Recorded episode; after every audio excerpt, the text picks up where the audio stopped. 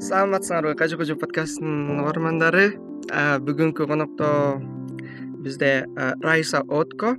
Райса өзү монголиядан болот. Анан биз бүгүн монголия жөнүндө райса жөнүндө кыргызстандагы окуусу жөнүндө анан мүмкүн дагы кандай сөздөр чыгып кетет ошо ошолор жөнүндө сөз кылалы дегенбиз. Анан анын үстүнө монголия жөнүндө кыргызстанда түшүнүк аябай аз эми мен менин билишим боюнчачы. Вот анан ошо монголияны дагы кененирээк ошо сиздин көз карашыңыз аркылуу ачып кетсек деп ойлоп атам да. Вот анан райса кош келиңиз биздин подкастка. Чоң рахмат. Э, мени чакырганыңызга чоң рахмат. Адегенде эле өзүңүз жөнүндө айтсаңыз өзүңүз кайсыл жактан эле улан баатыр бирок мурда башкача аталчу экен э? Ну азыр мурда мен төрөлгөн жерим баядөлүй болуп калат батыш жагынан монголиянын азыр болсо жашаган жерим улан баатыр болуп эсептелет негизи. Ошондо шаардан борбор ал кичинекей э, чоңойгон бир өрөөнү болчу анан азыр улан баатырга кирип калды да э жок жок андай эмес. Негизи ал деген өзү дагы область болуп калат батыш жагынан. Азыр болсо улан баатыр мен өзүм улан баатырда азыр жашайм дегенди да тиешелүү болуп калам да. Негизи тиешелүү болчу мурда эле? Же жок өзүнчө эле болчу өзүнчө эле шаар болчу. Ошондо ал чоң шаар? Чоң шаар. Канча киши жашайт? Эки жок алты жети миңдей жашайт го дейм ал жакта. Жети миң? Казактар жашайт ал жакта. Казактар? Казактар монголдор аралашып казакча билгениңиз ошондон го ооба. Э айтмакчы сиз казакча да билесиз так сүйлөйсүз ооба монголияда казактар барбы миң эки жүз. Нет жүз жыйырма миңдей казак бар жүз жыйырма миң. Жүз жыйырма миң бул бир топ. Көп э, кандайча андай болуп төрт процент. Монголиянын төрт процентин казактар курайт кандайча андай болуп калды экен? Кытайдан келгендер болуш керек. Кытайдан э? Өркөндү жака менин билишимче казактардын арасында дагы азыр кичине монголиядан ошо казактар темасына өтүп кетели алардын арасында дагы чыңгызыд биз дегендер бар э арасында? Бар. Негизи монголия монголиянын тарыхы аябай кенен чоң анан көбүнчө нерселер э, чыңгыз хан. Э, менен байланыштуу да анан ошо чыңгыз хан дүйнөнүн жарымын прям сейген э, империялардын бири болгон да анан ошо чыңгыз хан менен байланыштуу ассоциациялар болот бирок монголия жөнүндө мындай аз да маалыматчы. Монгол эли азыр үч миллион э? Үч миллион төрт жүз миң. Кандайча андай болуп калды экен? Тарыхтан өтөсүңөрбү негизи мындай да. Бизде ич э, анан сырткы монгол. Сырткы монгол дегенибиз жанагы кытай жактагы монголдорубуз ал жакта тогуз миллион монгол бар. Анан россияга караган жакта дагы монголдор ал жакта он алты миллион почти. Мен так санын билбей атам россиядагы. А өзүбүздө үч миллион чыныгы монголдор чыныгы монголдор анан кийин мисалы кыргызстанда да монголдор бар. Монголдун бир эмеси мындай жарымы деп коет калмактар. даже афганистанда дагы бар. Э, хазара ошондо дүйнө жүзүнөн негизи тарап кеткен тияк бияктын баарында бар да. Алардын баарын топтосок ошол жерде канча болот экен примерно билбейм кытайда кытайга жетпесе керек бирок негизи көп да. Казактардан деле көп болуп кетет экен аябай кызыктуу экен. Анда э, карап отурсаң дүйнө бүт монгол ар жакта ар жакта бар да бияктын баарында калып калган а негизи кандай карайсыңар? Мисалы бизди жалпысынан ошо монголоид деп коет анан силер типа бизден кеткен ушундай ойлор болобу мен андай ой жок негизи вообще элдин арасында ошо кандай достору айтып калат го биз деген боюбуз узун болгон көзүбүз кандай деди эле? Короче кызыл чачтуу болгонбуз деген сөздөрдү уггам да анан кийин чыңгыз хан келди? Биз силерге окшоп калдык дейт да. Ооба ооба. Ал сөздөрдү бирок аны канчалык чын канчалык факт экенин билбейм ооба тарых аябай э, чаташкан. Анан азыр ошо сизге акырындан өтсөк өзүңүз жөнүндө айтып берсеңиз кичинекейиңизден баштап мүмкүн э, монголиядагы жерлерди өзүңүздүн тарыхыңызды кыскача айтып кетсеңиз биздин угармандарга менин атым раиса атыбай эрканбек болот. Мен азыр учурда жаңы жыл болуп калды жыйырма төрт жаштамын жыйырма үчтөмүн.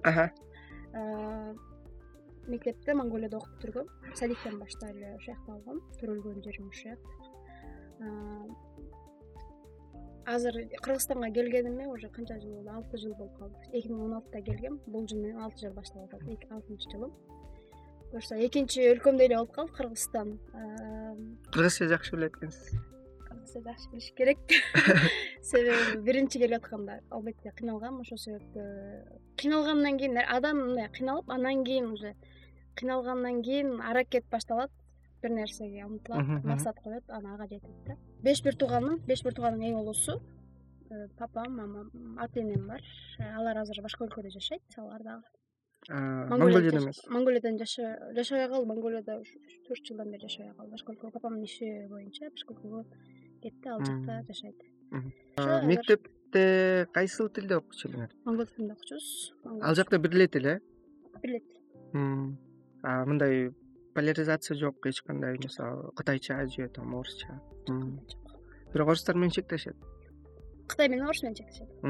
Болду экөө менен э? Ортосунда ортосунда ошондо ал жакта деле тогуз онунчу класс деп ушундай болот мындай да. Бизде тогузга чейин окуйт. Тогуздан кийин он бир он эки он. Бир он он бир он эки. Биз он экинчи класска. Он экиге чейин окуйбуз. Он эки жыл окуйбуз. Он эки жылдан кийин уже универге тапшырып. Универге өтөт анан универден кийин бияка эмес универге өтүп анан окуйт.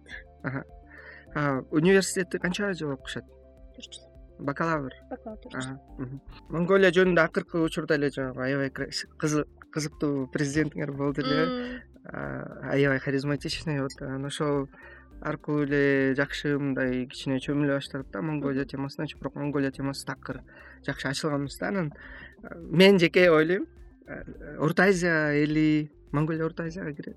Орто азия. Вот кичине караңгы болуп аткандай сезилип атабыз да өз оюмду айта кетейин ал жерде мындай президентибиз аябай жакшы киши. Болгон. Азыр президент эмес. Эме монголия жөнүндө эмес жалпы ошо орто азия жөнүндө мындай бири бирибизди жакшы билбейбиз деген мааниде айтып атам да. Монголия жөнүндө маалыматтар кандайча жок.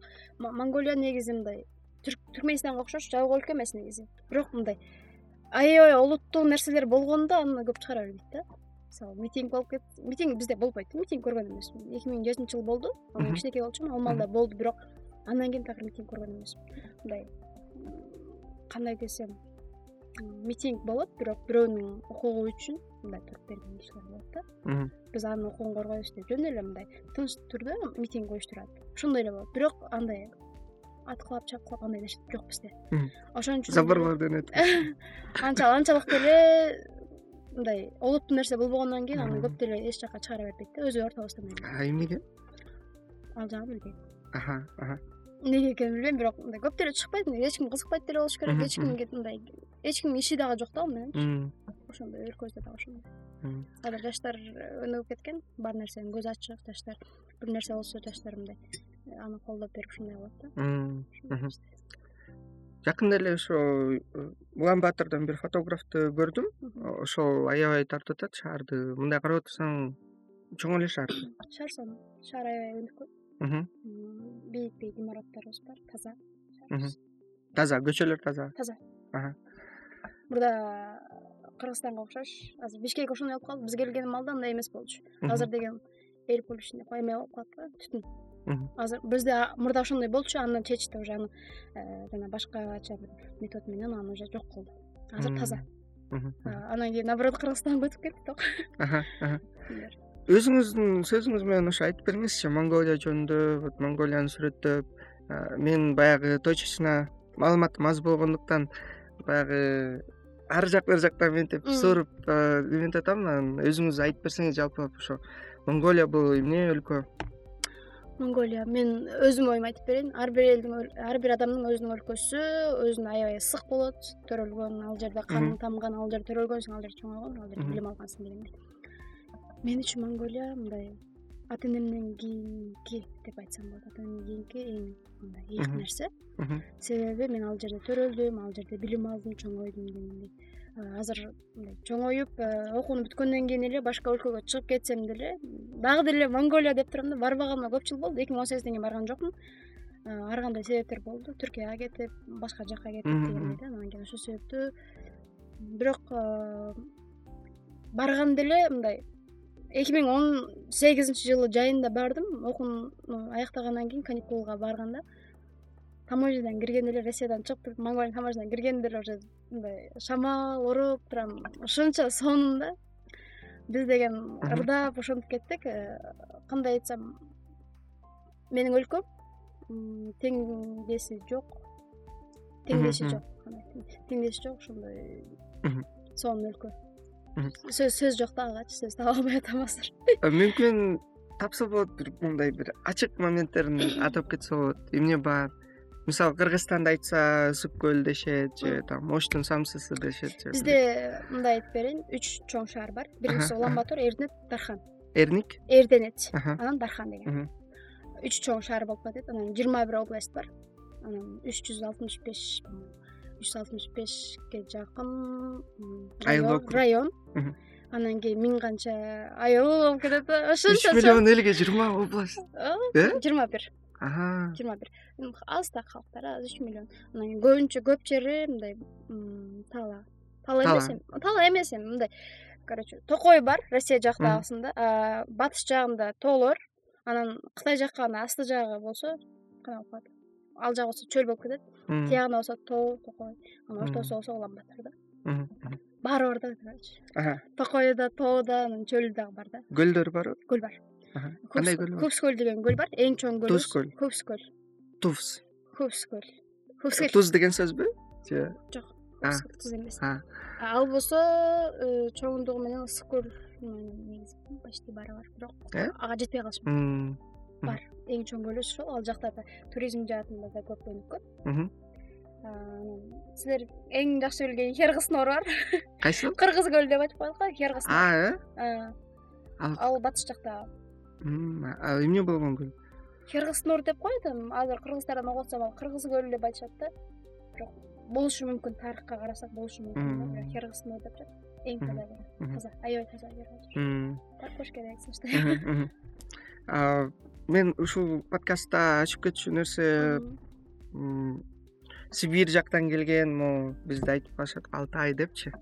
Билсеңиз керек эми манас университетинде окусаңыз манас жөнүндө аябай берсе керек маалыматтарды анан ошол сибирь жактан келген тува деп койчу беле тувалар. Ошо силер ошол жак э ошол айтып атпаймынбы тувалар ошо тува буряттар ошо россиядагы монголдор да? Тува буряттар россиядагы биздин монголдор болуп калат арка жактагы монголдорбуз алар түрк эмес? Түрк эмес. А кандайча бирок тувалар түрккө кирип калышы мүмкүн тилдери аябай жакын кыргыздарга э кандайча монголдор кыргыздар э, тува там алтай элдери окшош анан кээде мындай неме болуп кетет да? Мындай монгол калмак там түрк эмне депчи.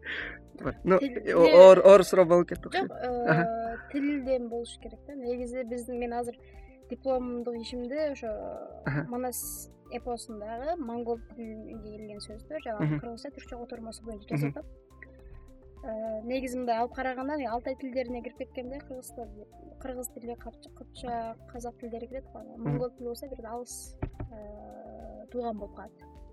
Бирок сөздөр мындай окшош кээ бир сөздөр окшош анан бир акцент бар да негизи акра андай тууган элебиз бирок алысыраак тууган болуп калат. Тилдердин түбү бир да улуттардын түбү дагы бир. Просто аларда адам мындай сен булутсуң сен булутсуң бөлүп эле салган болду а то негизи адам окшош бир эле адамдар бир жактан эле чыгат.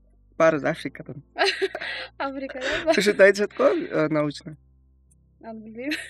Баардык адамдар африкадан тараптыр деп айтып калышат да. Анан монголия темасы менин оюмча жалпысынан түшүнүктүү эле болду болуш керек. Көлдөр бар экен баары бар экен э, токойлор бар экен адамдар сонун вот шаарлар анан э, так давайте медицина жагын дагы сүйлөшүп кетебиз. Медицина кандай? Медицина жагы мен мындай медицина боюнча э, айтып кетейин. Түркиянын медицинасына аябай баа берем. Аябай баа берем. Ал жак аябай өнүккөн прям мен жүз балл десе эки жүз билем да. Түркияныкы аябай өнүккөн монголияныкы дагы өнүккөн мындай көп көбүнчө операцияларды мисалы. Кыргызстанда да окшош го мындай. Бизде өзүбүздүн өлкөбүздө жасалбайт экен башка өлкөгө кетип келе дегендей да. Негизи баардыгы окшош бирок кандай айтсам көбүнчө бизде кол өнөр кандай айтылат? Азыр айта албай атам. Мындай эски эмел менен таянып традиционный знание. типа ошондой кылат. Мындай кол менен жазып койгондор бар да баарлапчы эме пульсун колдон мындай кол менен кармап мындай башы ооруса кол менен кармап массаж кылып берүү ошондойлор бар ийне коюп. өтө тараган. Көп деле эмес бирок бар. Аябай ошого көбүрөөк ишенишет. Эми ал жазат ал чын бирок ал чын ал чын нерсе. Медицина жааты негизи жүздө токсон берет экен именно вот мамлекеттик медицинаны алса вот кандай абалда ал жакта кандай азыр баары эле өнүккөн баары эле өнүккөн. Мисалы эле коронавирусту алсак э, бизде бир жыл бою дүйнө жүзүндө ызылдап атканда бизде болгон эмес. Коронавирус э, он эме ноябрда тарап баштады. Ноябрдын он жетисинде башталды. Ал баштап бир жыл бою монголияда вообще тараган жок. Бир да жолу болгон жок.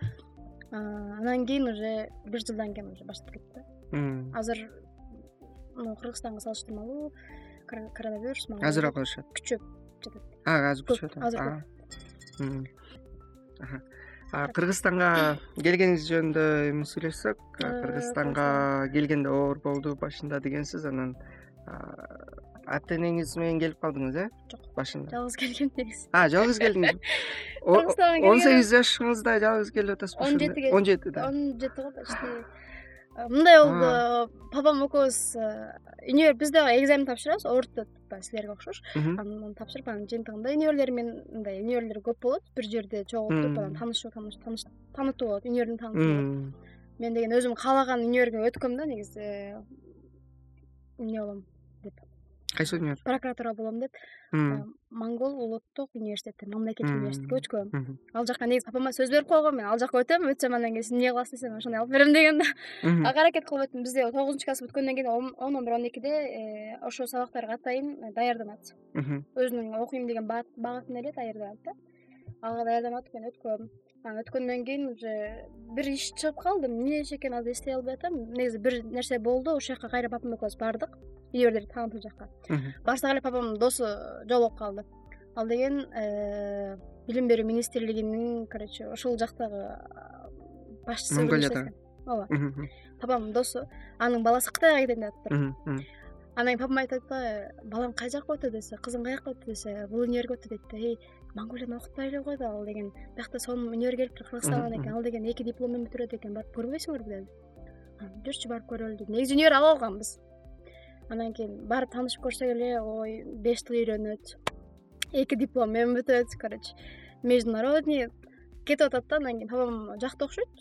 Папам короче бул жака эле өт бул жака эле окуп ал деп. Менин балым да жакшы болчу негизи жакшы балл болгондо алчу да манаска аттестаттагы баа токсондон жогору болуш керек болчу. А менин бааларым токсон беш жүз деген баалар да анан кийин өткөм кудай буюрса. Андан кийин өтүп паспорт заказ кылдык. Загранпаспорт керек болду. Загранпаспортум жок болчу анан загранпаспорт заказ кылып атып чогуу кетчүлөрүбүз алар кетип калышты. Менин загранпаспортум чыкпай калды мени менен чогуу үч баламдыкы чыкпай калды эки эгиз бала бир монгол бала бар болчу алардыкы чыкпай калды. Анан анан кийин уже биз калып калдык. Эчтеке билбейбиз да биз кыргызстан жөнүндө менин мисалы маалыматым жок болчу. География сабагынан кыргызстан башкент бишкек. Мындай борбору бишкек деген эле билчү элем да анан кийин эмнегедир билбейм ал эмнеге изилдеген жокмун? Эмнеге интернеттен манас университетин карагам эмнеге кыргызстан кандай өлкө экенин караган жокмун? Билбейм ал маалда азыр такыр билбейм. Өзүм азыр деле таң калам да эмнеге анын баарын караган жокмун? Ал маалда эмне фейсбук болду эмнеге интернет болду эмнеге караган жокмун депчи. Анан келдик казакстанга келдик. Россиядан өтүп казакстанга келип монголиягачы анан кийин ошо эки казак эгиз бала бар болчу. Алардын эгиз. эгиз балдар бар болчу алардын э, эжесинин үйүнө келип конок болдук бир күн ошол жакта түнөдүк. Анан эртеси күнү точнее өзүңүз конок болдуңуз? Ал балдар менен чогуу келдик ооба бизди күтүп алды анан конок болдук ал жакта бир күн анан кийин эртеси жездеси бир машина таап коюптур биз бишкекке кеткенгечи биз билбейбиз да анан кийин орус экен ал биз орусча билбейбиз ал акча сурадып берип атабыз берип атабыз берип атабыз андан кийин он эки миңдей теңге бердик окшойт агачы үчөөбүз биригип теңге? Теңге анан кийин бердик. Ал бизди алып келип вокзалга таштап койду. Бизде эчтеке жок вокзалдабыз. Вокзалды эми элестетип көрүңүз. Таксисттер. Анан биз эчтеке билбейбиз. Чемоданыбыз бар колубуздачы тил да айтып билбейсиз тил да билбейбиз кыргызча вообще. Жок. Бирок ал эки казак болот түшүнчү эми казактар анан кийин короче. Орусча сүйлөшөт? Орусча билбейт болуш керек ал маалда аз болушу мүмкүн да. анан кийин тиги бир бала айтып атат азыр аябай эсимде да короче казакчада с тамгасынын ордуна шны коюп туруп короче сүйлөй беребиз. Сүйлөй берсек ошо кыргызча болот деди ал сүйлөп атпайбы анан кийин. Байкелер аябай ошол маалда мен мындай кайра кетип калчудай эле мындай эмеге жетип кирди да чемоданыбызды тутуп бир нерсе кылып башкала мени менен кеткиле каяка барасыңар деп сурабайт.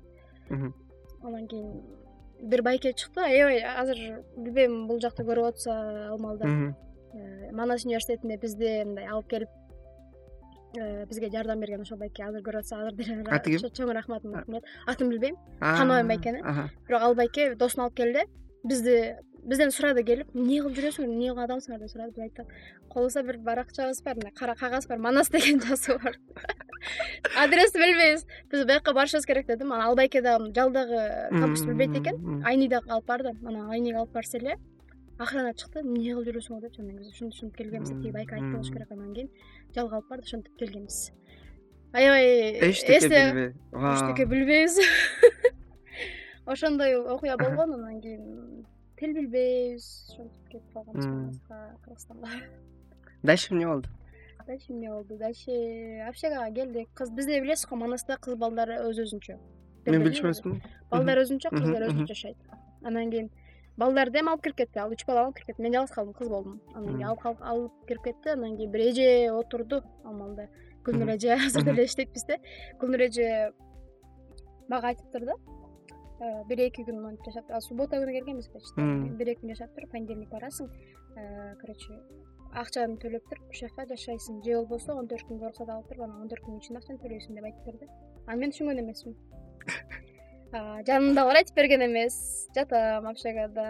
Качан төлөйм деп ойлоп коюп жаттым. Эле сураган деле жокмун анан кийин бир күнү магазинге чыгып эртең менен келсем ошо баарын жыйнап бир жерге коюп башка бирөө телефон салып алган мен түшүнбөйм комнатанын сыртына чыгам менин комнатам жыйырма жети. Анан кийин эмне болуп кетти деп ойлоп тиги кыздарды чакырдым дедим казактарды анан башка кыздарды чакырып алып сурап бергиле деп чакырдым сурап бергиле десем алар эме кылып атпайбы сенин кагазың барбы дейт кандай кагаз десем сага уруксат берди беле кандай уруксат билбейм деп ал күнү ыйлап жүрөм деп папама чалып короче ошондой болуп калды общагада даже чыгайын деп атам азыр акча салып папам акча жиберди анан кийин сразу башка комнатага алмаштым. Ал менин катам болчу экен да мен ал тилди түшүнбөсөм анан кийин тилди билбейсиз ошондой нерселер көп болуп турат анан кийин э, башка комнатага алмаштырды анан кийин уже эки үч кыз төрт кыз болуп кыргыз кыздар менен жашап калдым. Жаннат алтын кыз. Сүйлөшө албайсың. Алтын кыз э, случайно азыр германияда эмес ооба ошол алтын кыз. Алтын кыз алар менен чогуу жашадым. Бир үй бүлөнүн кыздарындай болуп жашадык азыр ишенесизби жокпу билбейм анан мурда деле бир эмеге манаска берген эмемде айткам. Интервьюда айтып бергем.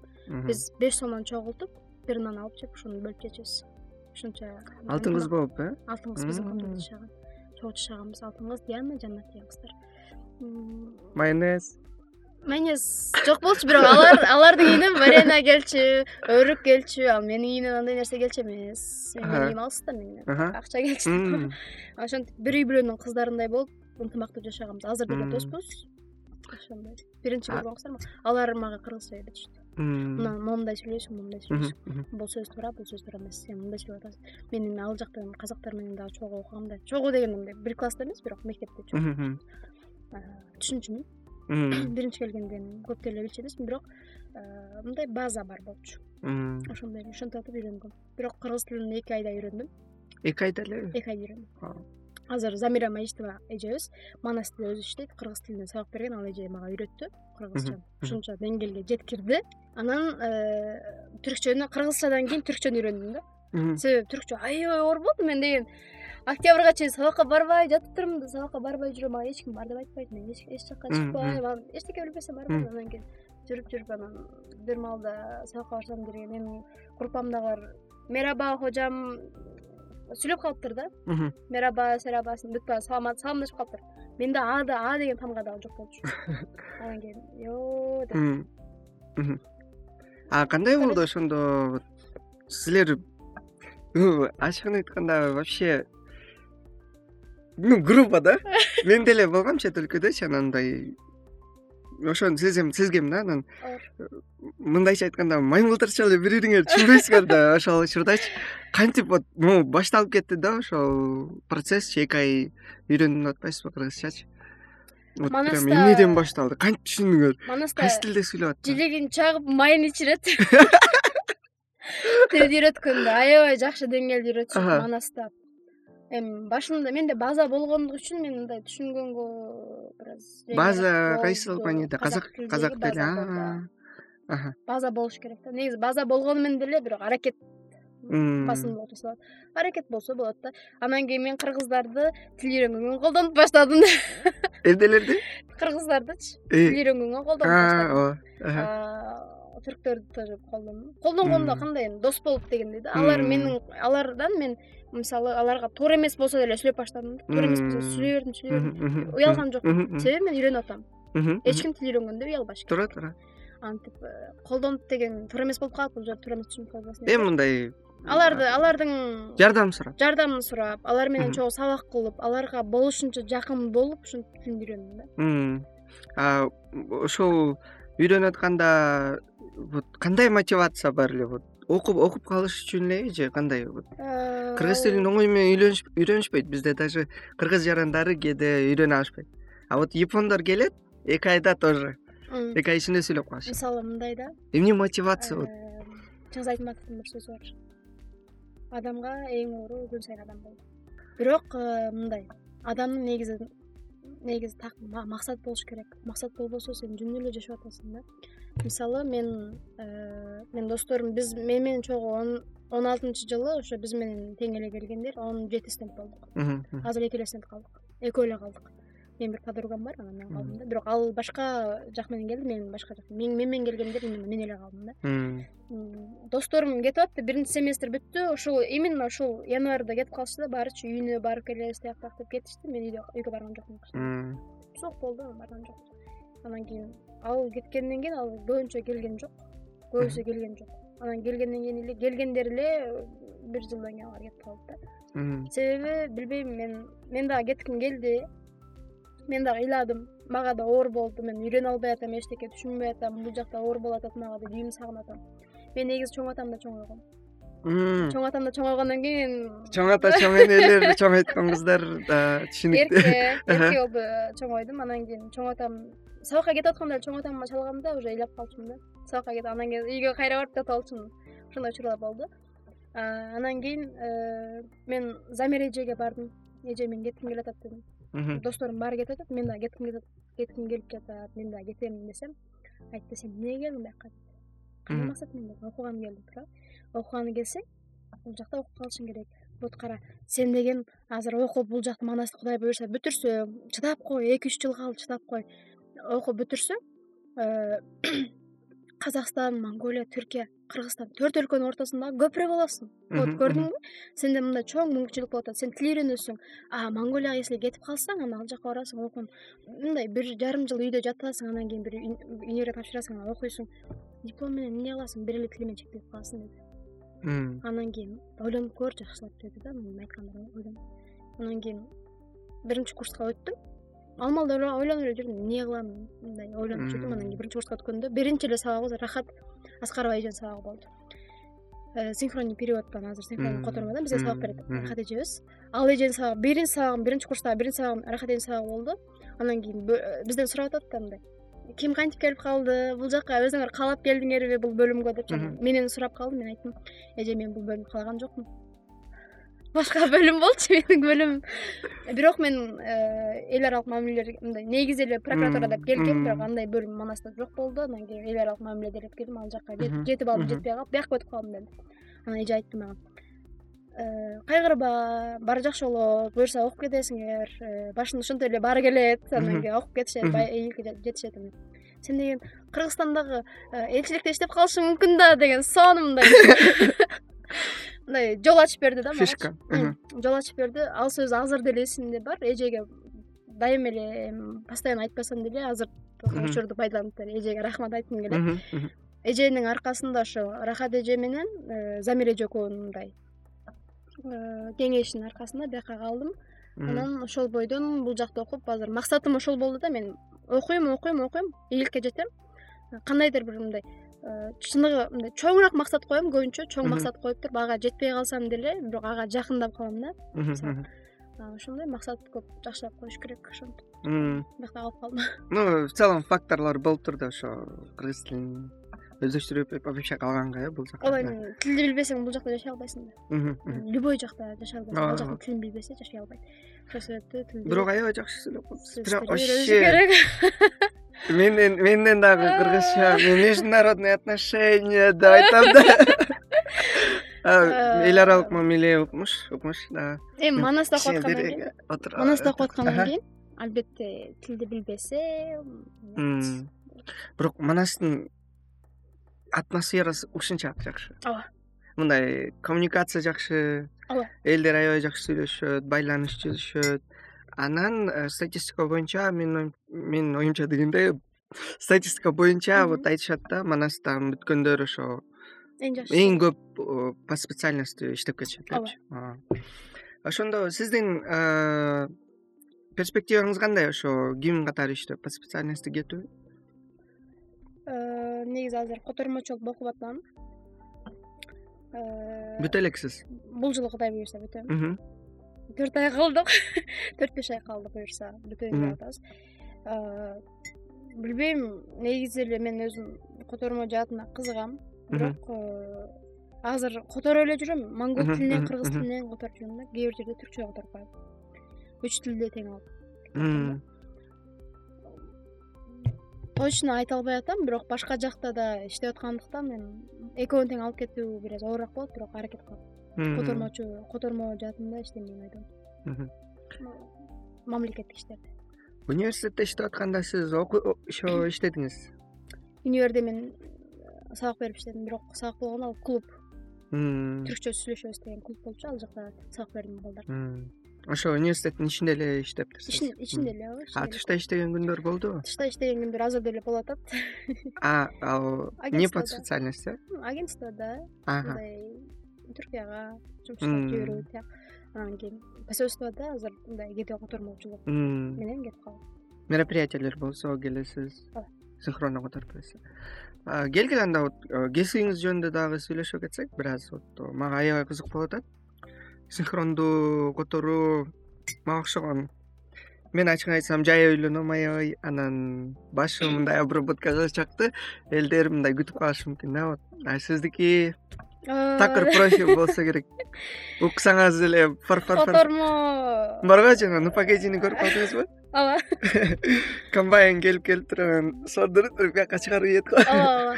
Ошол сыяктуу кетиресизби котормо бул негизи менин ойлошум боюнча манастагы эң оор кесиптердин экинчисине кирет биринчиси инженерия экинчиси биздин котормочулук котормо бул бир эле маалда бир эле учурда мени да иштетип угууну дагы иштеп кулакты да иштетип короче оозду да иштетиш керек да.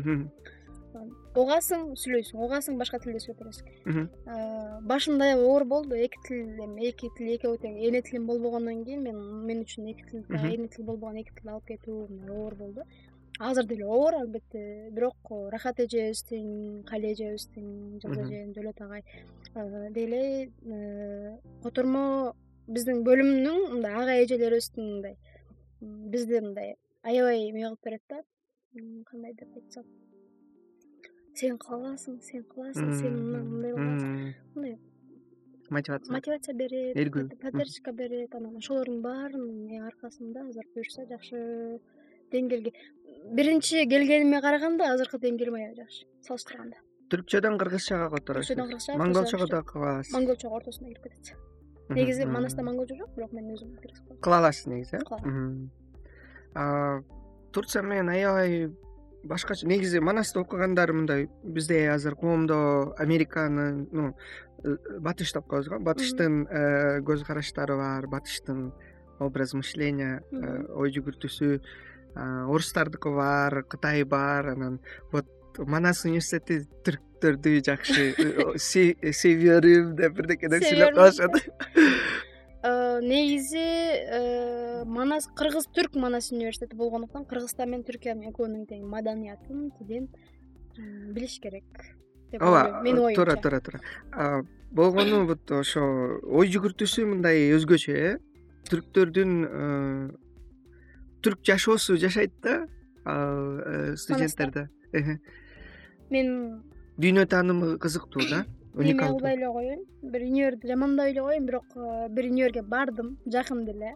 Атын айтпай эле коеюн национальный жок жок ал жак эмес өзүбүзгө жакын эле жерде болчу да ал жака барсам ал универ эме экен да.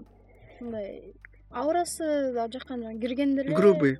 Киргенде эле мындай аябай студенттик бөлүм каякта деп сурадым мен. Өзү манастагыдай эле анда ал эмне деп жооп берди. Студенттерге жардам берген же документтерин караган жак каякта десем андай жак жок бизде туура андай болсо мугалимдериңиз каякта отурат бир мугалимге жолуксам болобу десем мугалим деген ким деп суроо берди. Анан кийин «Э, мейлиңизчи деп кетип калдым да анан кийин кетип калсам эле маскаңды тагынып ал деп эме кылып атат тагынамы азыр деп коюм кетип калдым. Анан кийин бир экинчи үчүнчү этажына чыксам эле бир эжелер отурат экен. Сурап атып сурап атып студенттерден сурап атып сурап атып барсам эжеге барып ошондой эжени билесизби? Каякта отурат десем мен каяктан билем эч жаап койчу дейт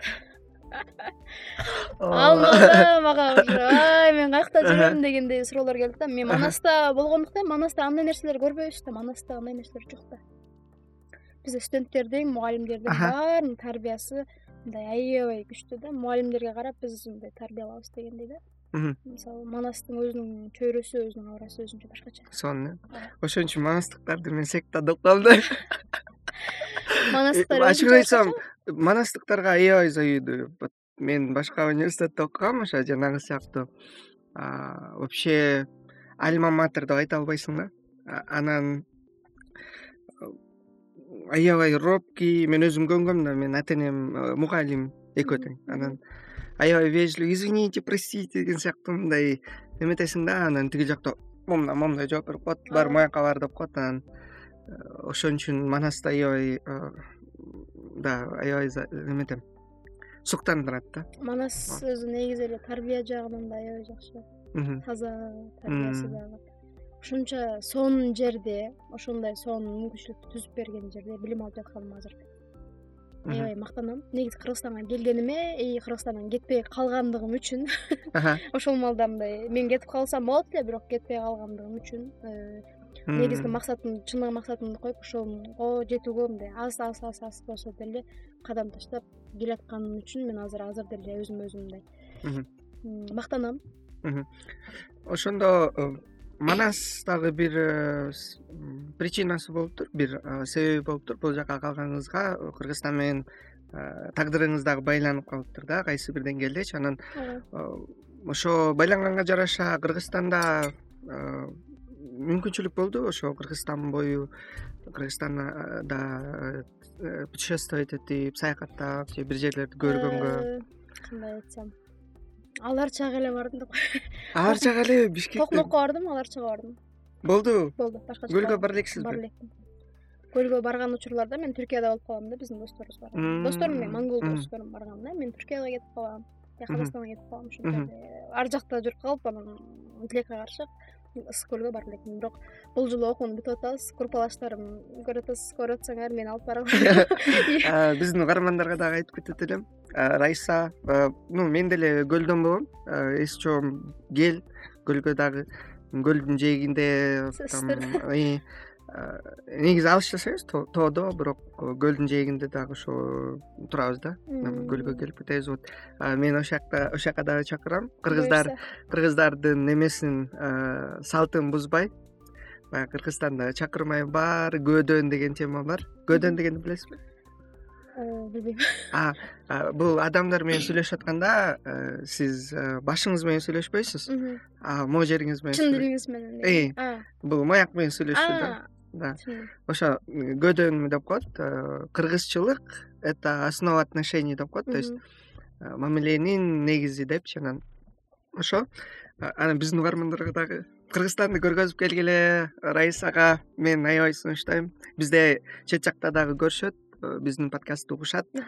Вот анан раиса кыргызстанда уже эки миң он алтыдан баштап алты жыл болуптур алты жылдан бери кыргызстанда экен эч жакты көрө элек экенсиз э, көрө элек дегенде мындай аябай уялам негизичи кыргызстанда ушунча жыл жүрүп алып анан эч жака барган жоксуңбу десе ошо кызык болуп атат деп койгом бирок эмнеге андай болуп калды? мүмкүнчүлүк болгон жок негизи чынымды айтайын мүмкүнчүлүк болгондо э, ар жака кетип калам же болбосо убактым болбой ушинтип баралдагам бирок түркияга барып турсуз? Түркияга бардым. Түркияга эки жыл эки жолу бардым бир топ жерди көрүп келсеңиз керек. Эми бодрумду анталияны стамбул измир. Стамбулда урналар жок э? Ар ким мусор салган нерселер жок. Таштанды салган. Ал жагын жакшы билбейм стамбулда көбүнчө адам аябай көп го ал жакта го. Мышыктар дагы көп э түркияда негизи мышык көп. Ооба. Так түркия кандай экен? Түркия негизи түркия аябай жагат түркияга түркияга болгон көз карашым өзүнчө башкача да. Өзүн аябай өзүн аябай тартып турат. Эмнегедир өзүн аябай тартат. Ооба деңизи табияты тартып турат. Деңизге түшпөйм бирок деңиз тартып турат. Деңизде неме учат э? чайкалар учат ооба мындай карап отурган сон э? Жанагы жээк барго анталиядабы же стамбулдабы мосттон берки берки өтмө билбейм иши кылып бир мындай жакшы шаркырамасы барбы кыскасы бул жагында суу дарыябы бул жакта атайын мындай кеткен набережная бар да. Ошол жакта скамейкалар турат. Анан элдер ошо мен сүрөттөн көргөм да. Белгилүү жер эмеспи? Точно анталияда бар. Ошол жактан карап турсаңыз. Деңиздин жээгинде шаркыратма бар. Аябай билем чоң аябай э ошол ал анталияда бар.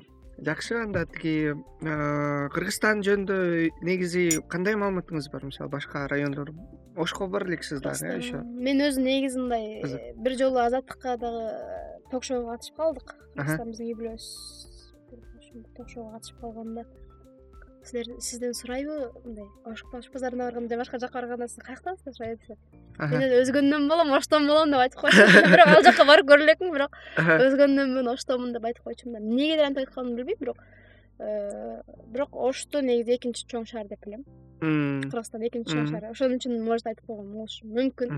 Эми бишкек десе шаардык деп калат да.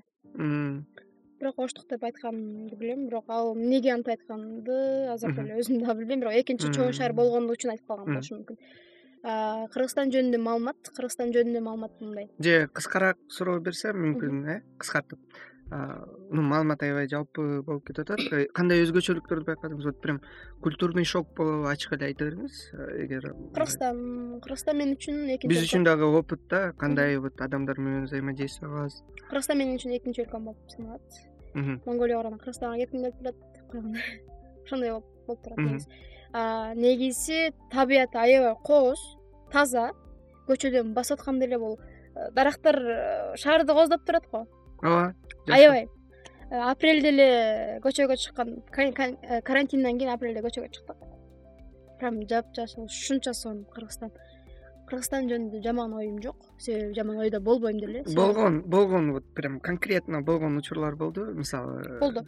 Адамдардын отношениясы мамилеси мамилеси. Кандай болду? Эми мындай да. Ар бир өлкөдө жаман адам болот жаман өлкө болбойт дегендей базарга барганда алдалынып калган учурларым болду.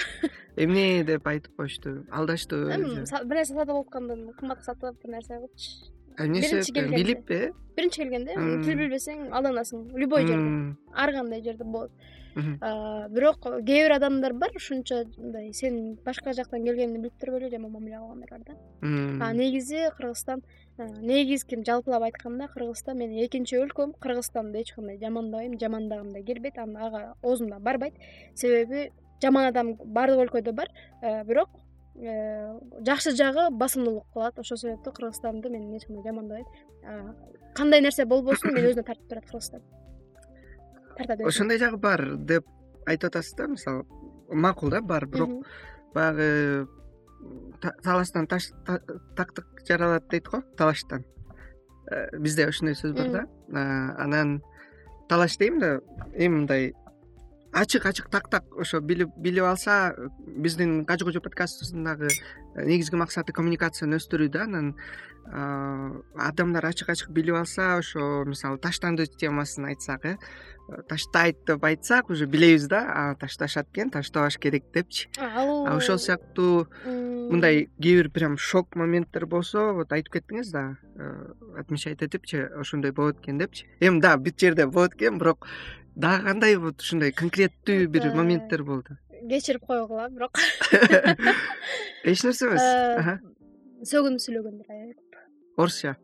Орусча. Балдар көбүнчө. Сөгүнүп сүйлөйт э, э, эки сөздөн кийин эле сөгүнүп сүйлөйт андан кийин түкүрбө деген нерсе чыгып калды го эй ооба ооба ал жакчу эмес. Түкүрө беришет. Насыбай э, салып алып тамеки чегип атып э ооба андан кийин көчөдө кетип атканда мен мисалы тамеки чеккендерди аябай жаман көрөм. Көчөдө кетип атканда эле асты жагын кыздар астыңа өтүп атса бирөө кетип атса анан тамеки ушунча жаман болуп кетем да. Эми алар жакпайт эми. Конечно баардык өлкөдө бар бирок э, мындай сөгүнгөн сөздөр азыраак болсо негизи э, мен жакшы болсом сен жакшы болсоң коом жакшы болот. Разаков деген сөз бар. Мен таза болсом сен таза болсоң коом таза болот. Көчө таза болот деген ошон үчүн негизи ар бир өлкөнүн өнүгүүсүнө же ар бир өлкөнүн мындай сырттан мындай караганда мен мисалы мен сынчыл көз менен карайм. Мен башка өлкөдөн келдим сынчыл көз менен карайм. Кыргыз эмесмин. Ошондо негизи караганда баардык өлкөнү жаштар өнүктүрөт жаштардын колунда. ошол себептүү жаштар баардыгы биригип туруп мындай өзүндөгү жаман сапатын мындай таштаса өлкө өнүгөт разаков жөнүндө дагы айтып кеттик анан азыр мен бир нерсе айтайын деп аткам. Э, бат эле учуп кетти да. А мен айтайын деп аткам. Сизди көргөндө такыр э, кыргыз эле кыздай сезилет экенсиз да вообще вообще айырма жок экен. Э, анан аябай кызык бирок чын эле экинчи өлкөбүз болуп калган окшойт. Анын үстүнө манастын дагы таасиринин негизинде мүмкүн. Манастыктар секта манастыктарга анан эме мындан деле неметип берсем болот тиги разнообразиеге кадрга может э, өзүңүзгө деле. Эме анан э, дагы кайсы нерсе болот? Подкасттарда мен джо роган деген подкасттар бар америкадачы ну вообще подкаст америкада жаралган да анан ошол адамды угуп карап анын подкасттарынан аябай суктанасың да? Себеби көбүнчө теле берүүлөрдө официозно мынтип саламатсызбы деп анан бир башкача форматтар бар да. Вот ал ошо джо рогандыкы болсо ал ошо өзүнүн адамдарын чакырат мындай кээ бир известный адамдарды чакырат же жүрөгүнө жакын адамдарды чакырат анан ошолор менен сүйлөшүшөт да. Мага дагы жагат да мисалы бул жака чакырам. Өткөндө дагы подкаст болгон ал дагы где то төрт сааттайбы кечке сүйлөшүп отурдук. Вот аны кесиш керек. Вот э, сиздики чыгат анан сизден кийин ал чыгат болуш керек. Чоң материал болуп кетти просто биздин үнчү кызыбыз да. Вот. анда сизге горнолыжный базага барып көрүшүңүз керек экен. Кышта э, э, бул жылы буюрса кыргызстанда болуп калсаңыз. негизи бизде ошол эле суббота воскресенье ооба жети сегизинде биз группабыз менен караколго барып келели деген пландар бар болчу. Бирок каршы барбай калдык дегенде барабыз бирок менин ишим чыгып калды жанагы э, бир котормо деп айтып калбадымбы ошо котормого байланыштуу мен бошобой калгандыктан менин группалаштарым аны жылдырып коет бирок качан экени белгисиз бирок сөзсүз түрдө барабыз. Лыжага барып келиш керек. Обязательно барып келгиле? Сөзсүз түрдө потому что каракол өтө аутентичный мындай өтө самобытный эме ал жакта э, славян архитектурасынан калган эмелер бар узорлор бар үйлөр бар э, анан туристтер бар. Бишкек дикий бишкек жапайы туристтергечи. Мындай чочуп турат да. А вот каракол интернtional прям эл аралык алар сүйлөй алат. Жолдору вообще бокко жарабайт бул жолдор жаман бирок эли жакшы чет жака ачык. Негизи айылдыктар жакшы окшойт. Э? Айылдыктарчы кошулам нукура кыргыз. кошулам. Мен өзүм дагы айылданмын э, бирок мен кичине мындай башкачараак өсүп калгам бирок айылдын эли ошо жанагы көөдөн деп атпаймынбы ошо көөдөнү менен да көбүнчө жанаг шаарда жашоо стили ошол болуп атпайбы просто. Акча арендасы көп там расходдор көп. Көйгөйлөр көп э, вот каракол сонун шаар обязательно барып келсеңиз болот. Сунуштайм. Анан бизде ошо эме темасы бар да мисалы жеке жөнүндө сөз кыла берсек болобу мисалы неме жөнүндө мамиле жөнүндө же кайсы бир оорчулуктарды баштан өткөргөн кызык болуп атат да. Вот монгол кызы кандай тажрыйбаны өзүнүн башынан өткөрөт мисалы кандай мисалы өткөндө бела прочту билесиз да тиктокер болуп аябай знаменитый болуп кеткен жок билбейм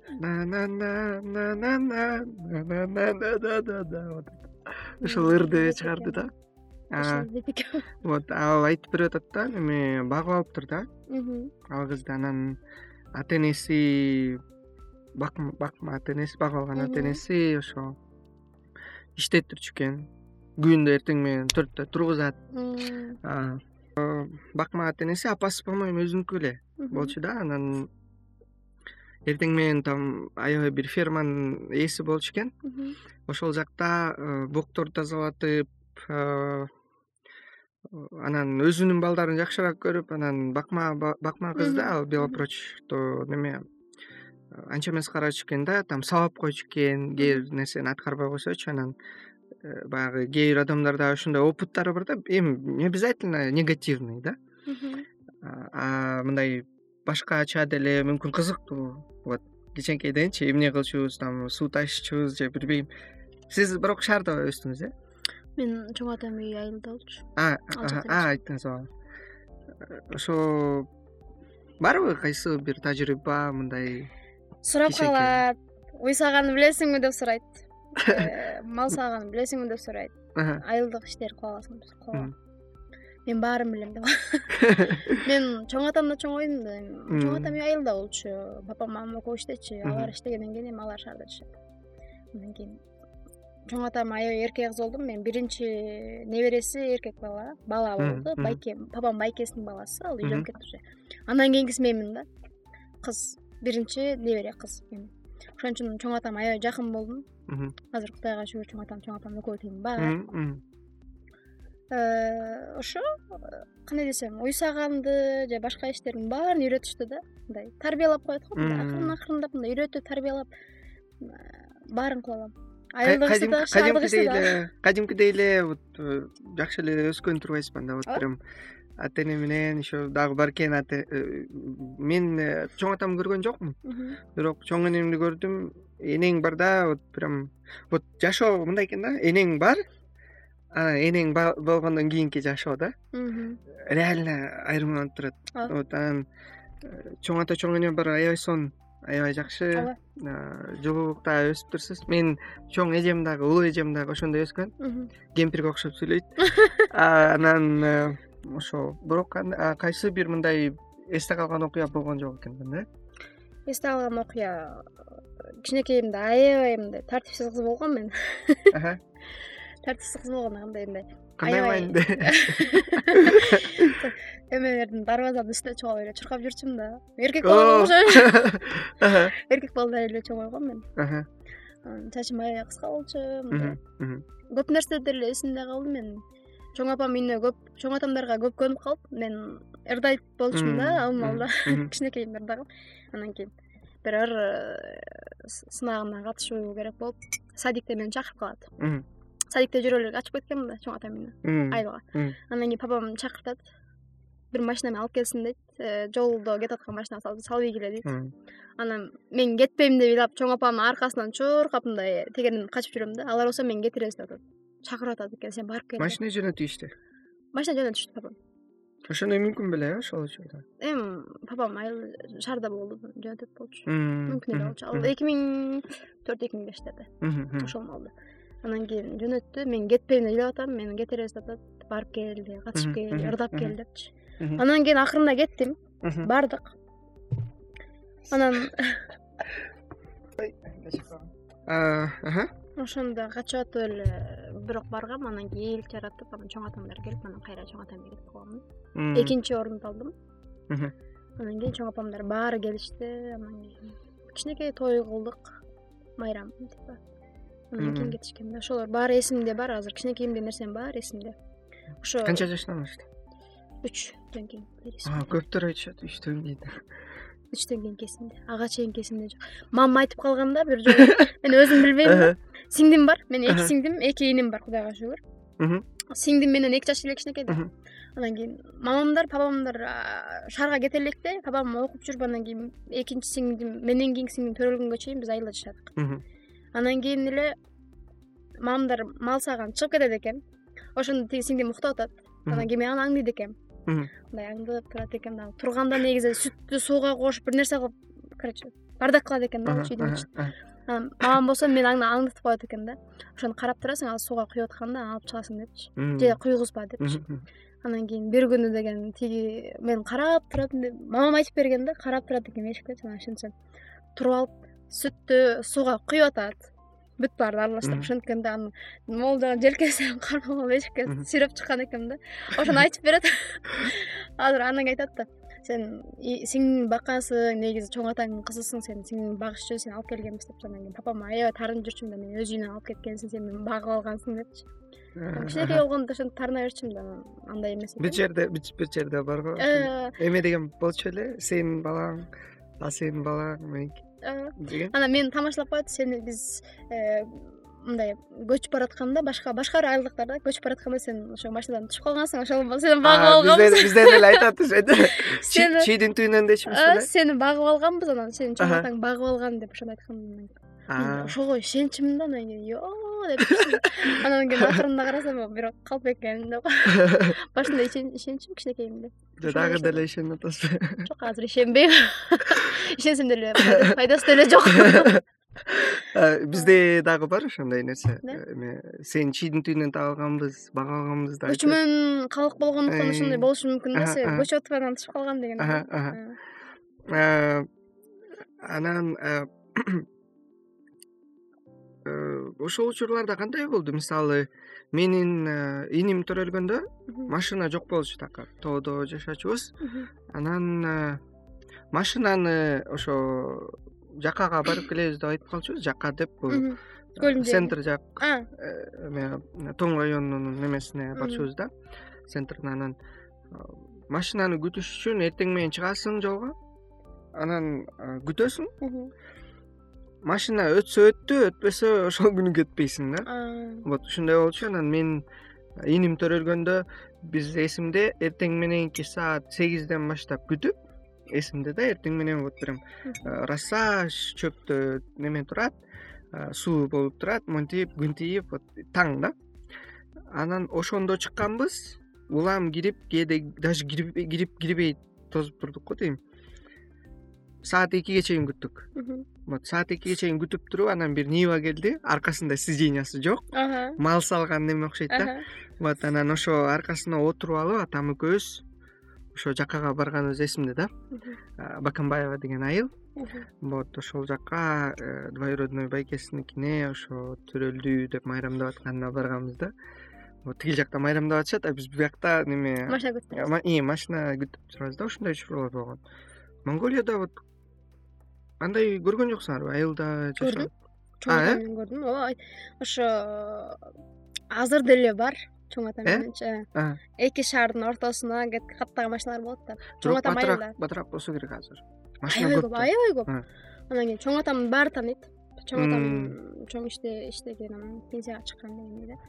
Баары тааныйт анан үйгө келип конок болуп кеткендер да болот да. Аларга чоң атам машинасынын ишин орун болбосо деле бизди алып кетчү ошол кишилерчи чоң атамдын ушунча авторитеттүү абройлуу. ооба абройлуу болгондугу ушунчалык алар алып кетчү да батпай атса деле батырып бир нерсе алып кетчү ошентип кетип калган учурлар болгон көп андай бар азыр деле.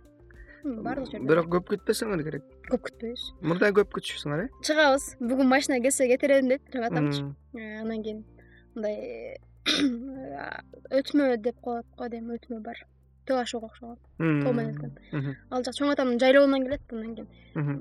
Машина көрүнсө эле силерде да жайлоо бар э? Жайлоо чоң атам жайлоо дейсиңерби жайлоо. монголчо кандай жослин жослин анан кийин чоң атам машина келип атат дегенде французчага окшош го э монголчо мага ошондой болуп кетти. Анан кийин чоң атам айтат да машина келе атат давайте даярдангыла деп сумкаңды алып даярдап турасың анан кийин машина келип токтойт. Же үйгө конок болуп келет же чоң атам токтотот анан по любому тааныганы болуп чыгат да папам чоң атамды анан кийин. Отуруп кетебиз да ошондой болгон. Азыр деле бар. Бар болуш керек эми. Канча жыл болду? Алты жыл болуп кетиптир. бар эле болуш керек ооба айылдары кандай айылдары вот кандай өзгөчөлүгү бар? Айылда бактарды тигишеби тигишет бул жолу биз кандай өсүмдүктөр өсөт көбүнчө? Бизден кичине өйдөрөөк болуп калган. Бир аз өзгөчө го дейм кыргызстандын ичи негизи бизде көп нерсе көп мөмө жемиштер өспөйт да бирок. Картошка сабиз аларды өзүбүз өстүрөбүз бирок мындай өрүк өсөт. өспөйт. Өспөйбү? Дарбыз өспөйт коон өспөйт да. Алма өсөт клубника өсөт бүлдүргөн ошондой өсөт картошка картошка алардын баарын өзүбүз өстүрөбүз айылда мындай телевидение бар ой в смысле кандай эмнелерди көргөзөт? Mtv болчу беле телевидение аябай көп азыр жеке анан кийин мамлекет. Бар баары бар. Көбүнчө европейский каналдар бар. бар. Драмаларды көп көрсөтөт корейский драмаларды драма көрсөтөт анан кийин өзүбүздүн кинолорубузду көрсөтөт. Кино индустриясы кандай монголияда өнүккөн аябай. Өнүккөн э? Аябай өнүккөн оскар алгандар барбы оскар алгандар пока жок. Аябай өнүккөн на каждом углу. Аябай көп тартышат аябай көп прям бир жылда канча кино чыгарышат аябай көп тартышат көп тартышат э атайын ошого байланыштуу жанагы эмелер бар да. Мектеп универ бар. Өзүнчө мындай э, искусство универ бар да ал боюнча. Кино кино искусство э, бүт баары бүт баары кирет өзүнчө бир универ да алчы. Ал жакта окугандар уже бүткөндөн кийин же бүткөнгө чейин киного тартылып же рекламага тартылып мындай кичинекей кичине жүрүп анан кийин уже чоңоюп көтөрүлүп кетет да продюсер болуп кеткендер болду. Ошондо э, монголияда үн бар э? Бар. Любой фильмди үн менен көрөсүңөр? Э? Драмалар ошондой драма же башка орус кинолорду которуп туруп анан үн коштойт аябай жакшы. Орусчаны орусчаны түшүнбөйт да монголияда? Карыраак кишилер мисалы папам билет анткени советтер союзуна кирген ооба. кирип туруп чыгып кеткен көп деле болгон эмес. Бирок чоң атамдар баары эле билет. Кичинекейимде мындай эстейм азырчы. Чоң апам орусча сөздөрдү аябай жакшы билет үйрөтүп турчу. Анан кийин бизде азыр жаштар билбейт орусча такыр жок бизде бирок англисче билет. Англисче билишет. Англисче жакшы билишет. Жаштарыбыз азыр. Анан кийин корейче анан кийин э, японча билгендер болот кытайча билгендер болот э? Көбүрөөк себеби азыр өнүккөндүктөн нерсенин баары өнүгүп азыр жыйырма биринчи кылымда баардыгы өнүгүп атат. Башка өлкөгө чыгып атат. Тилдерди билет дегендей да орусча билгендер аябай аз. Бирок эми бир аз бир аз билип баштады. Бир аз бирок. Көп эмес. Бирок жашы мындай чоң улуу кишилер орусча жакшы билишет ошондо үн коштолгон тасмаларды көрүп атканда эч кандай тоскоолдук болбойт экен орусча. Орусчаны дагы үн коштошот экен да э бар? Дубляж. Же же закадровый озвучка коюшабы ну мындай. Үстүнөн эле озвучка кылып коюшабы же прям официально чыгаргандар официально чыгарышат. Э? Вау. Үстүнөн эмес. Берекелүү беш командасы. Эске алып коюңуздарчы. Монголияда сонун үн коштоо бар экен голливудтукун дагы которушат да ар кандай кинолорду көрсөтө берет го жалаң монголча өзүңөрдүн эне тилиңерде көрөсүңөр. Монголчо көрөбүз анан кийин субтитр менен дагы көрөт субтитр менен көргөндө мындай го бир көз биякта бир көз ооба ооба. Бирок көбүнчө субтитр да э субтитр менен көргөндөр дагы бар.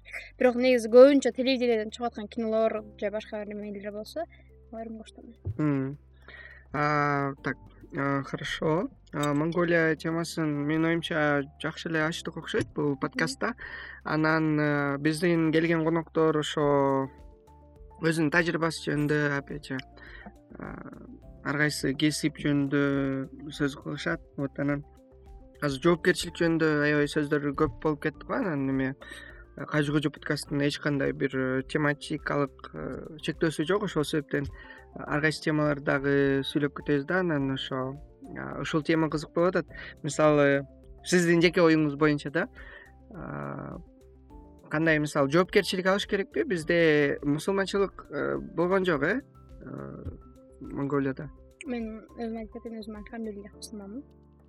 Үй бүлөбүз ошондой төрөлгөндөн бери төрөлүп калгандан эле мусулманмын прям монголияда. Ооба бирок жалпысынан кандай? жалпысынан буддизм көп шаманизм. Христиандар да бар. Өзү төрт дин бар да. Диндин баары монголияда бар. Төртөө тең бар. аябай тараган. Тараган. Ошондо анда эгер мусулман үй бүлөдө болсо анда мусулманчылыкта бар го мисалы айтат рызкысы бар любой адамдын депчи вот анан анда сиздин позицияңыз уже түшүнүктүү болуш керек э же жоопкерчилик алыш керек мисалы адамдар үй бүлө кураарда резко үй бүлө темасына өтүп кеттик мен дагы түшүнбөй калдым айткан сөзүңүздү мисалы мисалы мисалы үй куруш керек ага эмоционально өзүң финансово өзүң даяр болушуң керек балам айтып калчу. Кандай адамга турмушка чыкпа? Э, мындай аябай бай адамга чыкпа дейт да себеби бай деген байлык деп папам айткандай эле байлык бул колдон кире жууган эле жок болот.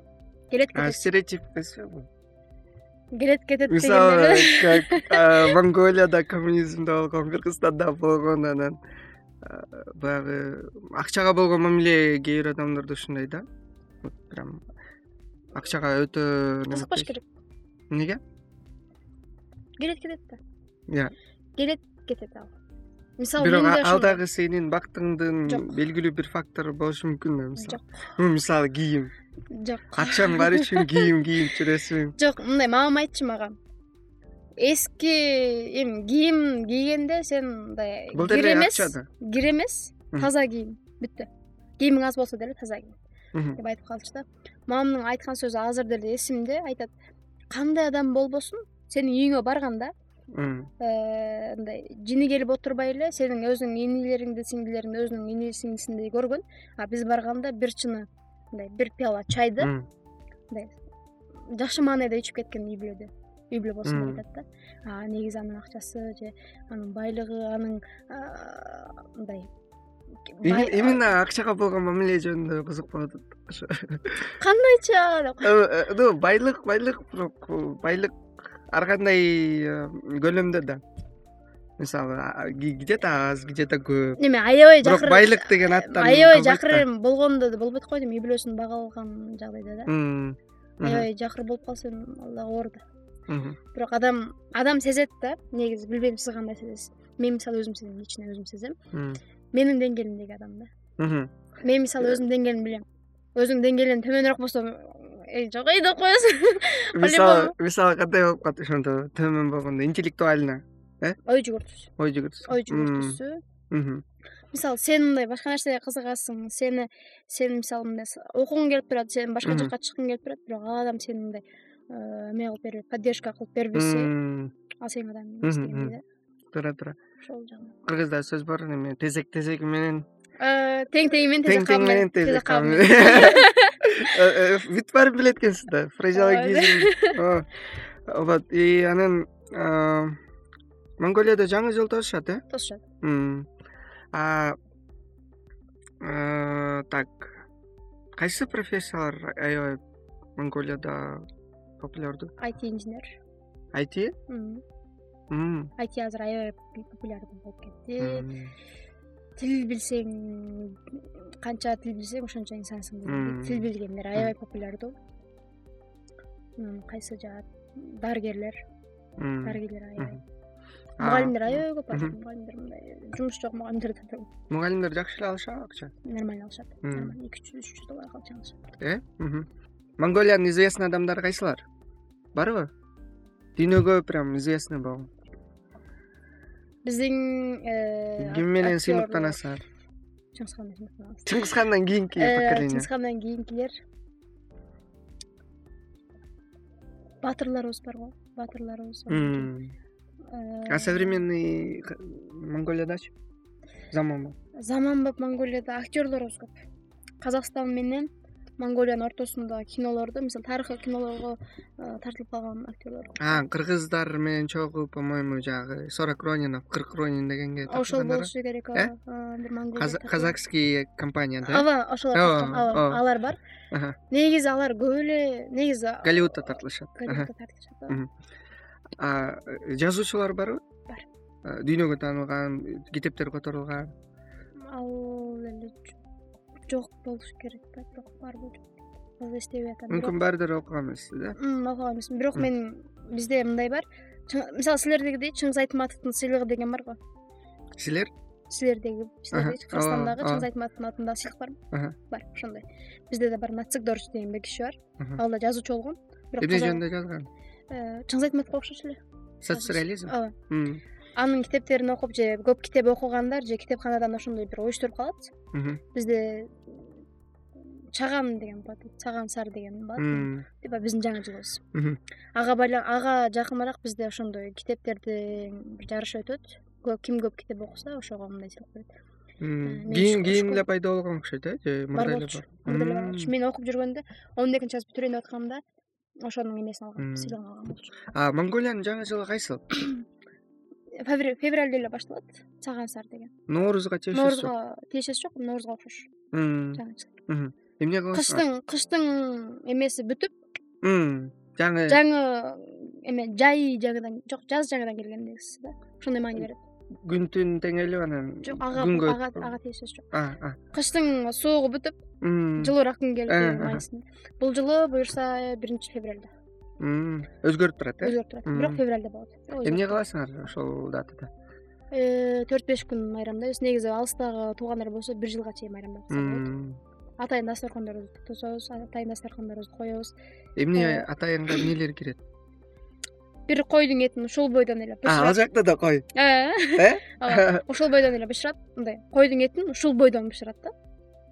Эме ичи карнын тазалап алат анан бирок эттерин ушул бойдон жанагы айлантып айлантып бышырат ташкоордо деп коет го типа ошондой анан кийин өзүнүн атайын мындай борсоктор жасалат. Борсоктор кыргызстанга окшошпу окшош эмес эмеспи? Эмес. Кандай формада? Э, мындай деп айтсам кандай? Узунбу э узунураак узунураак. Сүйдүүбү же тоголок сүйдүү э? Анан кийин принципиальный сүйдүү анан кийин э, үйдүн ичи бүт баары аябай тазаланат аябай таза болуп турат. тазалаш керек ага жаңы жылга келип атканда таза болуп кириш керек. Атайын манты жасалат улуттук тамактар манты жасалат. Ошо анан кийин биринчи эле түн эртең мененкисинде эркектер тоого чыгат күндүн чыкканын көрүшөт. Эртең менен эрте андан кийин уже чоңдордун үйүнө барып мындай саламдашып баштайт. Чоңдор кичинекейлерине белек берип ошентип эмне белек беришет ар кандай? Ар кандай акча азыр көбүнчө акча берип калды. Конвертке салат конвертке салып ошондо эртең менен карасаң эле тоодо прям эркектер турган болот э? Эми ал жака барып сыйнат э, аш баш алып барат тияка тамактар алып барат чай пай алып барат ушинтип күндүн чыкканын күн чыгууну көргөнгө барышат да көбүнчөчү андан кийин уже майрам башталат. Мен э, бир аз мурун эле көргөм. Э, орусиянын фотографы даниэль кордан деген болгон монголиядачы анан сүрөттөрүндө көрүп калдым. Аттарды аттар менен жүрүшөт экен стептерде эме өрөөндөрдөчү анан эмени дагы көрүп калдым тиги бүркүт улашат экен ооба казактардын ортосунда бар андай нерсе. Азыр казактардын? казактарда бар бүркүт улоо монголдордо жокпу? Монголдор именно монголдордо жок ал айчолпон деген кызды билесизби? Ооба. Ошол кыз э, монголиядан чыккан. Азыр казакстанда окуйт бирок э, ошол кыз негизи бүркүтчүлүктү э, монголиянын бүркүтчүлүгүн ушу монголиянын турист жагынан ошол кыз негизи чындыгын айтканда өнүктүрөт деп айтсак болот именно монголдорду бүркүтчүлүк менен ассоциация кылып э же монголиядагы казактар деп коеюнчу ооба.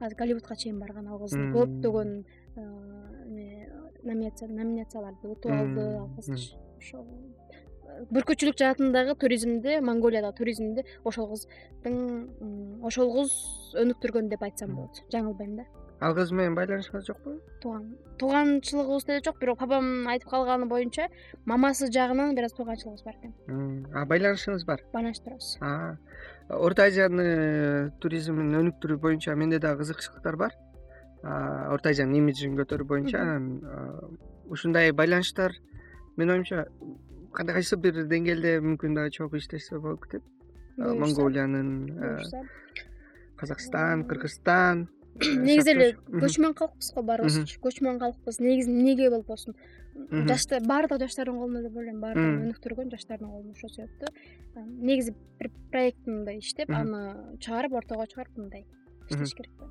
эске алып коюш керек экен. аракет кылса баары болот. экен. Монголияда ошондо бүркүтчүлүк негизи башынан жок болду беле мурдатан бери эле. Бар эле болгон негизи бирок аябай азыр өтө неметпей калышкан азыр популярдуу. Азыр аябай көп ооба андан кийин уже атайын ошо бүркүтчүлөрдүн майрамын көргөнгө чет өлкөдөн келишет да атайын келишет ошондой бар. жылына эки үч жолу болуп турат го ошондой болуп турат ооба. Бүркүтчүлөрдүн майрамы деп атайын ошо майрамдалат неме менен таанышсыңарбы монголияда амулет бар го. Мындай көз тийбесин деп көк. Түрктөрдө бар ал көк түрктөрдүкү го э? Көк түрктөрдүкү го мондай могул деле эмес бирок бар го ооба ооба монголияда жок. биз эмнеге эме кылабыз? Кызыл жипке. Кызыл жип э? Кызыл жип андан кийин э, тоже көз тийбеш үчүн? Көз тийбеш үчүн. Андан кийин атайын эмеси бар мындай тагат ага мындай нерсе окуп берип анан ошону тагып жүрөт эпостор барбы эпостор бар. Эмне деген эпос бар эпос көп эле кайсыларын айтсам. Көп эле эпос бар тоже узун. Узун. Айтышабы? Эми жок жок жок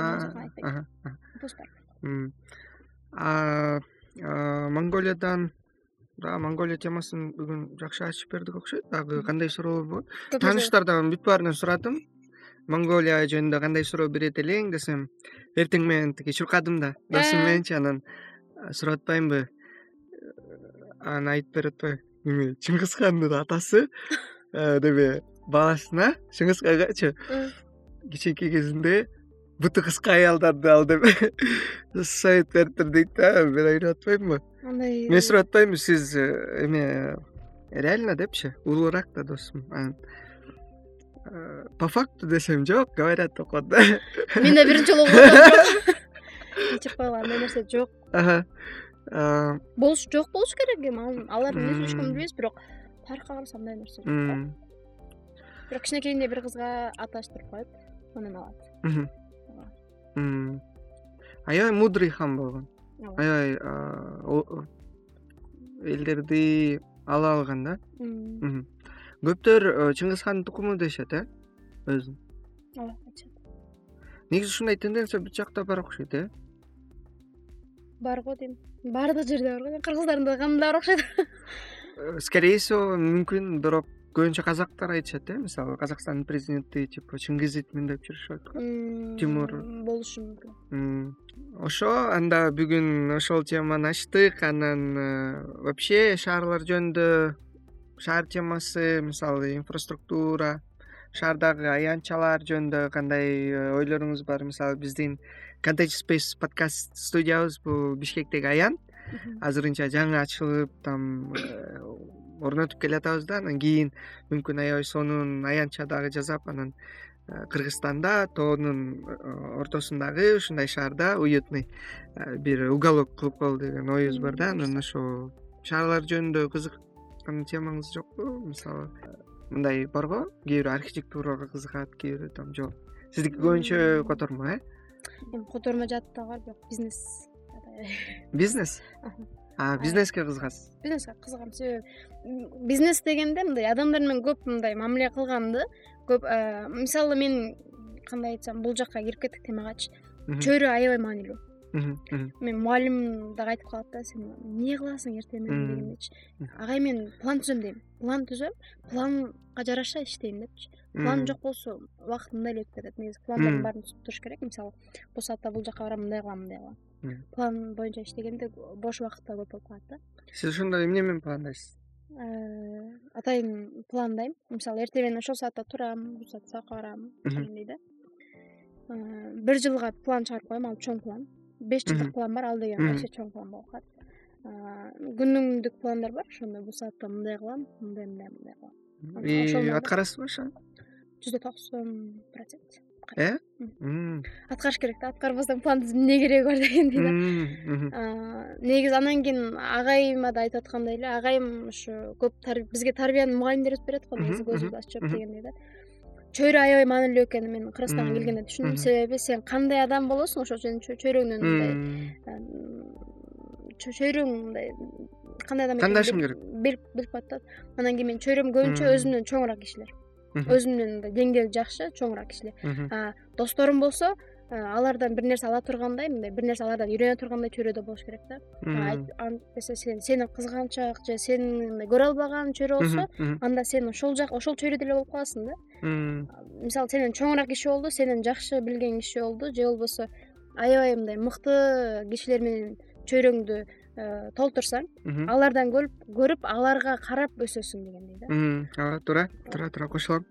Чөйрө маани аябай маанилүү анан мен дагы досторум мага да жада калса маани бере баштадым ошо сиздин айтканыңыз. Биздин угармандарга дагы пайдалуу болот болуш керек анда ошо чөйрөнү жакшы тандайт экенсиз анан э, анда продуктивдүү болсоңуз керек. Таңыңыз кандай көрүнөт? Мисалы эртең менен эрте турасызбы? Кээ бир мындай эртең менен сабак болбогон күн чынын айтайын укпайм мисалы тогузга чейин а так кандай көрүнөт? Э, эртең менен турганда эле мен мисалы менде мындай бир калыптанып калган бир нерсе бар да эртең менен турганда эмнени ойлосоң ошондой эле ошол күн өтүп катат деген да. Көбүнчө энергияны күндөн алып туруп э, сонун нерселерди ойлоп ошол бойдон турганга аракет кылам. Мисалы эртең менен ойгонгондо эле аябай сонун маанайда ойгонсоң ошол күнүң сонун болуп кетет да. Же бир нерсеге мындай сарсанаа болуп бир нерсени ойлонуп турсаң анан кийин ал нерсени мындай ошол күнү мындай маанайың жогорак болуп калат дегендей да. Негизи баары нерсе адамдын өзүнө байланыштуу болот го. Сиз күн жөнүндө бир нерсе айттыңызбы азыр? Күн жөнүндө. Күндөн энергия алып дедиңизби ал билбейм кандай түшүнүп калдыңыз? Негизи мен эртең менен турганда эле э, эми азыркы жашап аткан комнатам күн тийбеген жакта.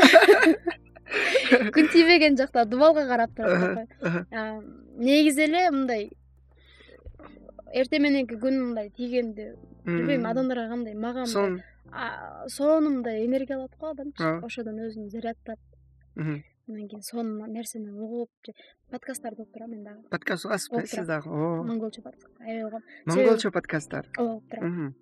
Ал жакта көп тарбиялуу нерселер көп айтып аткан ал жактан да тажрыйба аласың бир нерселерди үйрөнөсүң ошондо ошо күнгө карап мындай энергия алып өзүмдү заряддап анан ошентип чыгам ошондо кадимкидей эле күнгө чыгасыз? Күнгө чыкпайм негизи күн мындай тиет. Өзү эле. Же күн тийбеген же башка күндөр болсо мындай сонун нерселерди угуп же сонун нерселерди мындай ойлонуп ошондой э, максат максат жөнүндө. Максат жөнүндө. Менин максатым пландайт экенсиз пландайм ооба. Сөзсүз түрдө план болуш керек негизи. Жашоодо план болуш керек го плансыз адам билбейм кандай болот план болуш керек. максат бул менин максатым негизги мындай машина алуу же үй алуу же окууну бүтүрүү бул максат эмес план.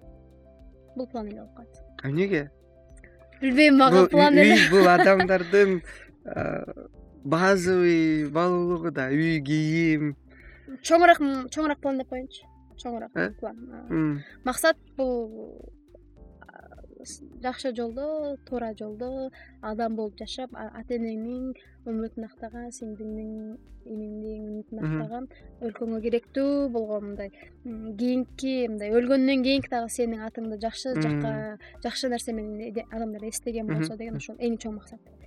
Негизи мындай бизнес вумен болуу же болбосо машинам болсо экен деген алар менин чоңураак план эле болуп калат аны максат кылбайм. Байлыкты максат кылбайм негизи ооба сиздин позицияңызды түшүндүм. Анан ата энеңизге эмне кыласыз кандай пландарыңыз бар? Кудайым буюрса бул жылы э, февралдын бешинде папам мамам экөө үйлөнгөнүнө жыйырма беш жыл э, күмүш той деп коет бизде. Силерде да бар болуш керек күмүш той алтын той бриллиант той дегенчи. мамамдардын күмүш тою жыйырма беш жылдык күмүш тою пландап атам негизичи белек билет түркияга түркияга э, эс алып келсин деп бир жумага он күнгө эс алып келсин деп пландап атам кудай буюрса болот деп ойлойм. Ийгилик рахмат андан кийин бизде мындай да тууган өзү беш тууганмын деп айттым го беш бир тууганмын деп. Ватсапта группабыз бар. Э?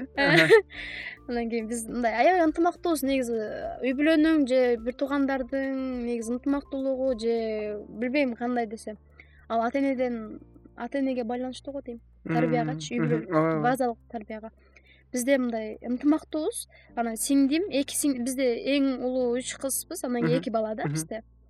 Эки инимди аябай кудайдан чыныгы мындай ниет менен сурап алгам да. Эки иним үч эки сиңдим болду андан кийин бир иним болду иним жалгыз болуп калды. Анан кийин кичинекей баланын мындай кыялы негизи орундалат деп ойлойм. Ал маалда чындап мындай прям ушунча сурандым кудайдан. Дагы бир иним болсо экен деп. Дагы бир иним болсо экен иним болсо эле болду депчи эркек дагы бир бала бизде болсо экен биз бешөө болсок экен деп ушунча сурандым. Анан кийин иним болду да иним төрөлдү. Ошого ишенем да мындай чыныгы нерсени чын дили менен туура нерсени сураса кудай берет. Чын дили менен сураса. Иниңиздин аттары ким? Сек сека бека деп. Кыска кыскартылган аты. Анан кийин алар болсо э, азыр бирөө он биринчи класс бирөө тогузунчу класс окуйт чоң чоң эле чоң эле ооба он алты он сегиз жашта иниңер менен эмнелер жөнүндө сүйлөшөсүңөр? Биз мындай айтсам аябай кызыктуу болот болуш керек же күлкүлүү ватсапка жазышабыз э, бирөөбүзгө бир нерсе керек болсо кайрымдуулук чогултабыз акча чогултабыз. Мисалы өткөн айда болуш керек сиңдим телефон алам деди эми үйдө алар окуйт алар окуп стипендия алып ошону менен жашап бир нерсе кылат анан папамдардан да алат да анан. Э, мындай деп калды. Телефон алайын деп атам кимден канча акча келет мага деп. Жазды ачык эле жазат биз ачык эле жазабыз анан кийин. Короче бирөө айтат да короче менде акча жок деп укуртан чыгып кетет. Анан кийин эми улуу болгондон кийин мен дагы беришим керек да анан кийин мен дагы бердим ушинтип атып анан телефон алды да. Биз ушунча ынтымактуубуз бир нерсе керек болсо бирөөбүзгө көбүнчө мындай бири бирибизди кандай деп айтсам бири бирибизди мындай жардам жардам берип колдоо. колдоо көрсөтөбүз да ал жерденчи бир сиңдим бар манаска келип окуду. бир жыл окуттум аны. Анан кийин ден соолугуна байланыштуу бул кыргызстандын аба ырайы негизи жаккан жок ага. Ошо кетип калды. Азыр болсо казакстанда окуп атат ал казакстанда бир универге тапшырды. Барып эле тапшырды. Пат курсту бүттү манастан. Манастан бүтүп алып тияка барып тапшырганда уже экинчи курска өтүп кетти да экзаменен өтүп кетти азыр ал төртүнчү курста окуп атат. Республика боюнча математика английский боюнча биринчи экинчи орунда. Азыр. Чемпион почти. Уже болгон. Уже ооба математика менен английский англис тилдүү математика деген кесип менен окуйт ошол кесиби боюнча э, республика боюнча мыкты. Мыкты аябай мыкты. Молодец ошонусу менен аябай мактанабыз. Э, ошол анан мен азыр өзүм чоңоюп калдым го чоңоюп мындай эже билипчи негизи сен кандай болсоң сенин ини сиңдилериң ошо сага карап өсөт да. Ошол себептен мен үйдүн эң улуусу болгондуктан сиз улуусузбу негизи чоң кичинекейсизби менби мен ортончусумун ортончусусуз. Бирок мен э, менин тарыхым дагы өзгөчө себеби мени э, багып алган ну неофициально. Бирок э, мен мындай исключительный случай да. Менде андай түшүнүк жок баягы. Туугандарым менен прям аябай мындай жакшы мааниде эзилип мынтип мындай жүргөнчү себеби биздин үй бүлө аябай неме чоңойду. Билбейм же мугалим болгонго аябай чачырандыраак анын үстүнө мен өзүнчө. Мен эң улуусу болгондуктан аябай көп э, пример. Мисал катары. Э өзүңө көп нерсени алып каласың да. Мен мындай болушум керек мени көрүп атат булар депчи алдыңкы арба кандай жүрсө аркасы да ошондой жүрөт деген сөз бар го анан кийин алар мен алар жаман болгонун каалабагандыктан мен дагы аябай көп аракет кылам аракет кылыш керек. Туура. Анда ошол э, каалоо тилектериңерге ийгилик анан э, жеке боюнча менин оюмча суроолорду берип бүттүкпү же дагы эмне жөнүндө айтып кетсе болот дагы эмне боюнча кызыгып атасыздар менде азырынча суроолор түгөнүп калды окшойт сизди дагы кармабайын менин оюмча жакшы болду го окшойт биздин подкаст ушундай эгер жаңылыгыңыз болуп калса кийин деле келип жаныбек давай там жаздырабыз десеңер келип ошо э, жаңылыктарды айтып же кайсы бир э, профессия боюнча бирдекелерди чогуу э, кызыгып калгандачы. Ушуну менен биздин подкастыбызды аяктайт болушубуз керек. Райса туура эле айтып атамбы менин оюмча. Отко дей берсеңиз да болот отко. Отко бул фамилияңыз? Жок менин өзүмдүн атым ошондо эми билдим деп койбойсузбу монголияда биринчи фамилия негизи эки ат бар. Менин өзүмдүн эки атым бар. Кандайча? Кандай десем менин негизги атым одгерел чоң атам коюп койгон. Ал атты анан кийин папам аны өзгөртүп райса кылып койгон да. Одгерелдин бул кыскартылганы отко эле ошондой эки атым бар көбүнчө отко деген фамилия эмес фамилия эмес туура эле анда биздин биз менен конокто болгон отко болду. Монголиядан биздин кызыбыз. Биздин подкаст кызыктуу болду деп ойлойбуз. Эгер кайсы бир суроолоруңар болсо ылдый жакка жазсаңыздар болот. Биз ал суроолорго дагы жооп берсек болот болуш керек. Мүмкүн ютубтан же спатifайдан отзывдарды калтырсаңыздар болот. Ошо анан э, чоң рахмат отко э, келип бергениңиз үчүн дагы бир жолу. Анан э, айта кетчү нерсе бул подкаст контент space студиясында жазылды. Анан дагы бир жаңылык бар эле. Ошону дагы убакыттан пайдаланып айта кетсем бул биздин команда топтоло баштады. Кажы эми бул уюм адамдардын тобу.